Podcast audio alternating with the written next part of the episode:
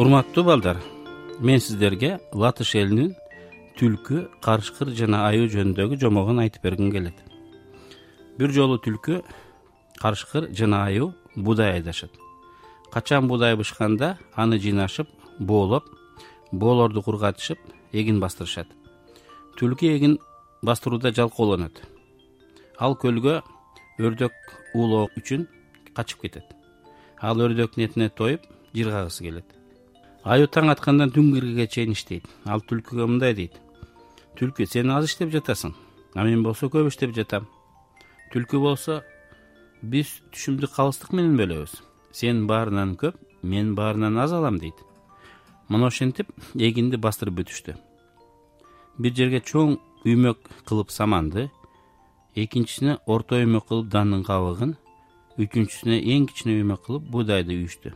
Түлкү мындай дейт аюу баарынан чоң жана баарынан көп иштеди ага баарынан чоң үймөк беребиз.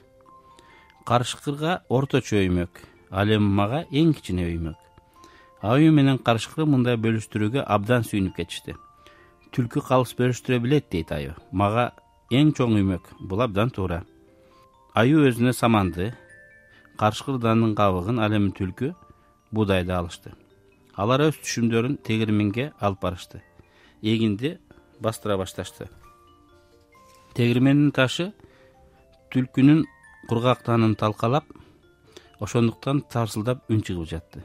Ал эми карышкыр менен аюунун саманы менен дандын кабыгы болсо акырын гана үн чыгарат. Аюу мынтип сурайт.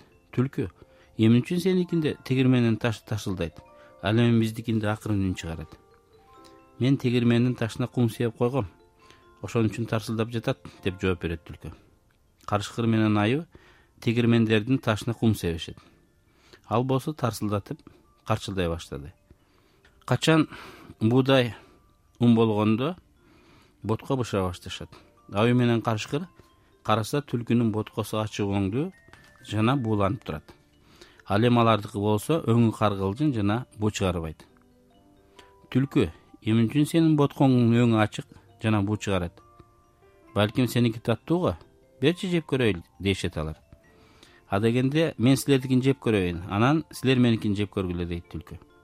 Түлкү алардын казандарынан боткону кашык менен билгизбей алып өз казанынын четине коюп коет. Анан мындай дейт. Карышкыр мына бул жерден ал эми аюу сен тигил жерден алып жеп көргүлө ар кимиси өзүнүн эле боткосун алып жеп көрүшөт. Карышкыр мындай дейт. Сенин боткоң меникинен жакшы деле эмес экен. Аюу да айтат. Меникинин даамы жок бирок сеникинин даамы меникинен да жаман экен карышкыр кайрадан сурайт. Түлкү эмне үчүн сенин унуң агыш? Түлкү мынтип жооп берет. Мен аны шараккан сууга жуугам. Ошондуктан агыш. Карышкыр менен түлкү өздөрүнүн мүшөктөрүн алып шараккан сууга келип салышат. Шаар аккан суу алардын унун жууп алып кетет. Түлкү муну ошентип аларды алдап коет. Урматтуу балдар бул жомоктун сабагы. Түлкү ар дайым баардык жерде болот ошондуктан этият болгула. Жомокту айтып берген жогорку кеңештин депутаты өмүрбек текебаев